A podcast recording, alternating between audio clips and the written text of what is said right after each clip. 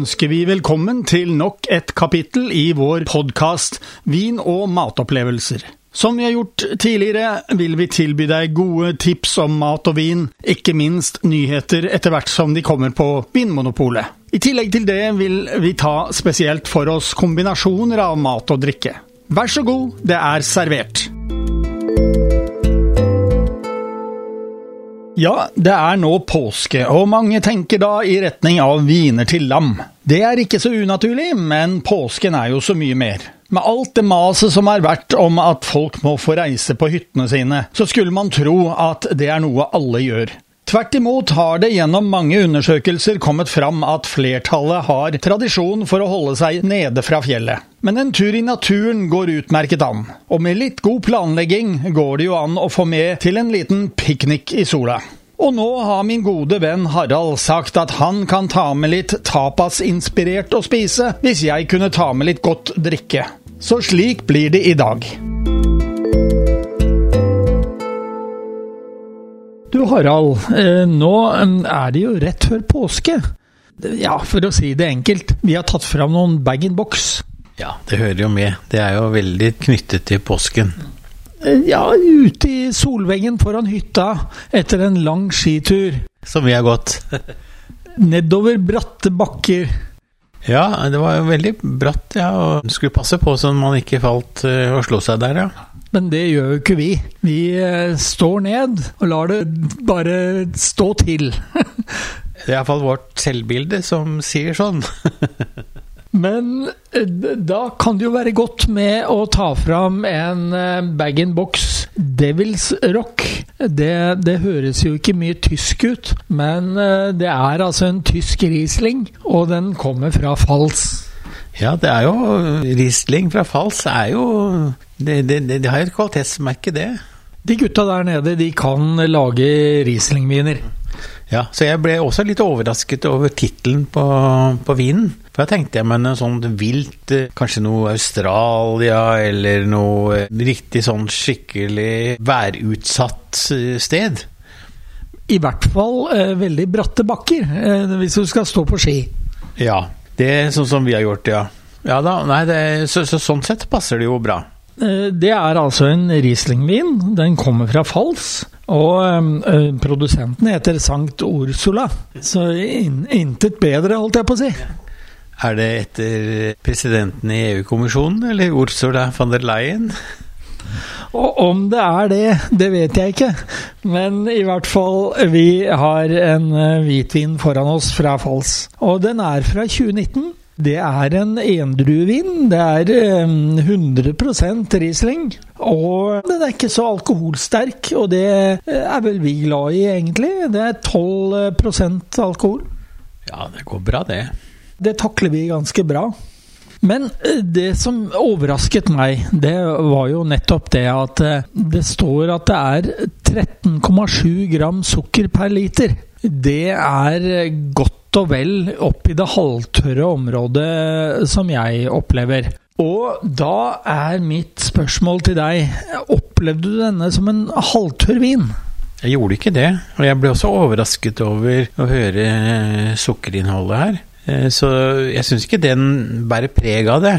Da er den kanskje skjuler det litt, fordi jeg opplevde ikke det som Og jeg er også veldig glad i tørre viner, men jeg syns dette var, altså, var, en frisk hvitvin med grønne epler, sitrus, litt mineralsk. Så den var en Ja. Så jeg ble litt overrasket over det sukkerinnholdet, ja. Nei, jeg opplevde denne som en uh, tørr hvitvin. Vi må slå fast, fordi prisen det er altså 100 kroner per flaske. Det er ikke alt du får med en pris på 100 kroner flasken. Men uh, det var en lettdrikkelig og um, ja, god hvitvin. Ja, og her som vi sitter i solveggen, så koser vi oss med den. Eh, det vil si, vi har jo, vi, jo, vi har jo hatt det til mat også, så vi har eh, hatt et sånt tapasbord. Og blant annet reker, eh, majones som vi hadde, og også noen kjøttboller og litt noe pølsegreier, så gikk for så vidt greit til det. Det gikk for så vidt greit. Eh, det er jo anbefalt altså, til aperitiff, og det tror jeg eh, her i solveggen at det vil kunne passe bra. Så er det eh, anbefalt til lyst kjøtt, altså en, en grillet kylling. Det, et lite kyllinglår mellom tennene, det tror jeg kan passe bra sammen med denne vinen. Og så er det ja, litt fisk. Ikke for kompliserte retter, vil jeg tro. Jeg tror det syns jeg er godt, uh, god beskrivelse på, på, på, på, vinen. At den er litt sånn anvendelig, og er, den, den, kan brukes til en god del. Og denne vinen den eh, er på testutvalget. Det betyr jo bare at eh, den er inne på en del butikker, men ikke så mange. Og så er den inne på bestilling, så du kan bestille den gjennom Vinmonopolet.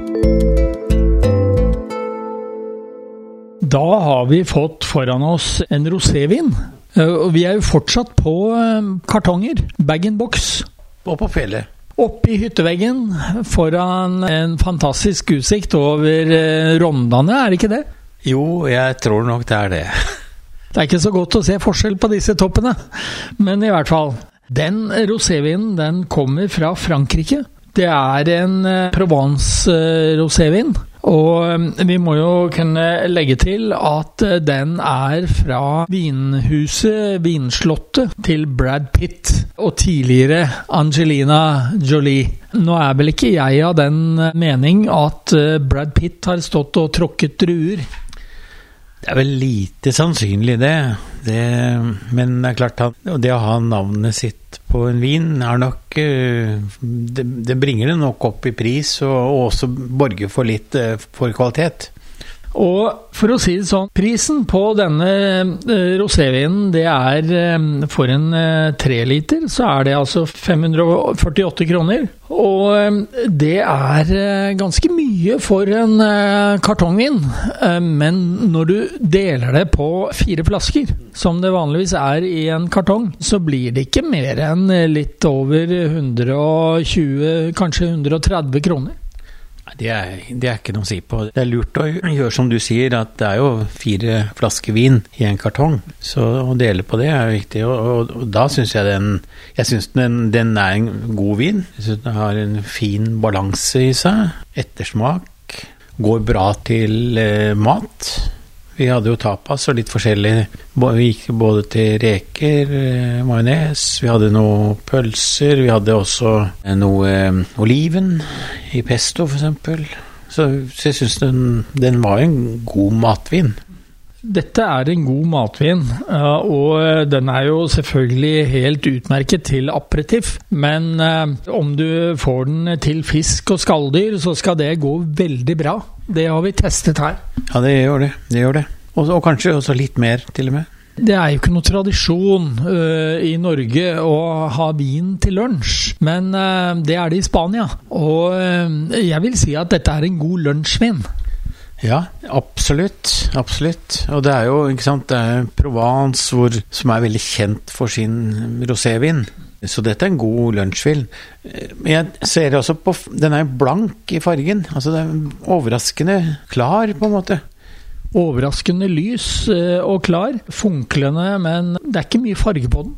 Nei, det er ikke det. det er ikke det. Og så er den sjødunn og balansert og god, som, og, og den blir også bedre når du tar mat til. Absolutt. Og eh, dette er jo en vin som Den er laget på fire druer. Og det er Grenache, Grenache. Det er jo en veldig mye brukt eh, vindrue nede i Provence. Det er Tiboren, som kanskje er litt mindre brukt, men eh, den er nå der. Det er Kinsaut, og det er Rolle, som jeg har vært borti før. Ja, vi skal si litt om smak og, og lukt. Hva tenker du da? Er du enig i at den er ganske frisk? Ja, ja, frisk, men er også, den er også balansert samtidig. Frisk og fruktig, balansert i forhold til eh, syre. Selv om den er helt tørr, så er det ikke påtrengende fordi den er så fruktig. Ja, jeg er helt enig. Helt enig. Ja. Og smaken, eh, det er eh, lang ettersmak, god friskhet, god fruktighet. Ja, jeg er helt enig med deg. Det med at den er eh, lang ettersmak. Og det, det liker jeg veldig godt.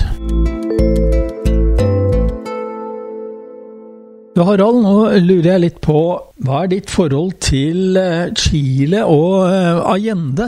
Jeg ble jo veldig eh, engasjert etter militærkuppet og måten det skjedde på, var aktiv i på en måte solidaritetsarbeid i forhold til Chile i flere år på universitetet da jeg gikk der.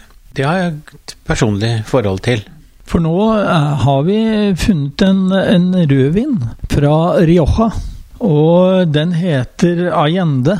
Og slik jeg forstår det, så er det et, et navn som eh, du eh, husker. Ja, politisk så, så syns jeg det opprørte meg, det som skjedde i Chile, og ble aktiv der. Så jeg var der i noen år. Så det, det betyr noe. Og så må jeg også tilføye at eh, jeg liker godt eh, Isabel Allendes bøker. Så Allende er, et, eh, det er noe jeg har. Betyr noe for meg, ja. Nå vet jeg ikke om det er Allende-familien som, eh, som, lager denne vinen, men eh, den kommer fra vinhuset Finca Allende. Og den kommer fra Rioja. Og det er en 2013-årgang eh, vi har foran oss. Det er jo blitt noen år nå. Det er det. Dette er Kjenner vel smaken, så er det mørke bær. Særlig moreller, syns jeg. Kanskje litt kirsebær også. Krydder. Veldig god vin, altså. Veldig god vin. Det var en eh, rund vin, og den er laget da på 100% Tempranillo, som vi kaller for eh, nasjonaldruen i Spania. Ja, så det er jeg helt enig i. Jeg syns at den var litt eh, rund, sånn elegant. Men klar smak av mørkebær, det som, som satt i en god stund. Altså, så det var veldig god smaksopplevelse. Denne er jo da eh, anbefalt til storfekjøtt, til eh, småvilt, og ikke minst lam da i denne påsketiden. Jeg, jeg vil nok eh, si det at det, særlig det med lam skjønner jeg veldig godt.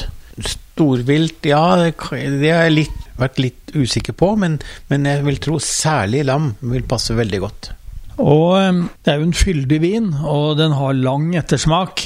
Og ehm, ja, den sitter godt i munnen. Dette er nok en av de rimeligere viner dette vinhuset har gitt ut. De har flere viner, men selv med ja, 300 kroner så er nok dette et av de rimeligere viner dette vinhuset har gitt ut. Ja, men hvis man ser på alle viner, så 300 kroners vin er jo ganske bra, da. Og da må vi forvente litt av den. Ja, og det syns jeg vi får. Da har du fått dagens podkast fra Radio Riks Oslo om mat og vin. Hvis du ønsker å abonnere på den, slik at du får den automatisk når nye blir lagt ut, kan du gjøre det. Kommende mandag får du neste kapittel. Vi høres!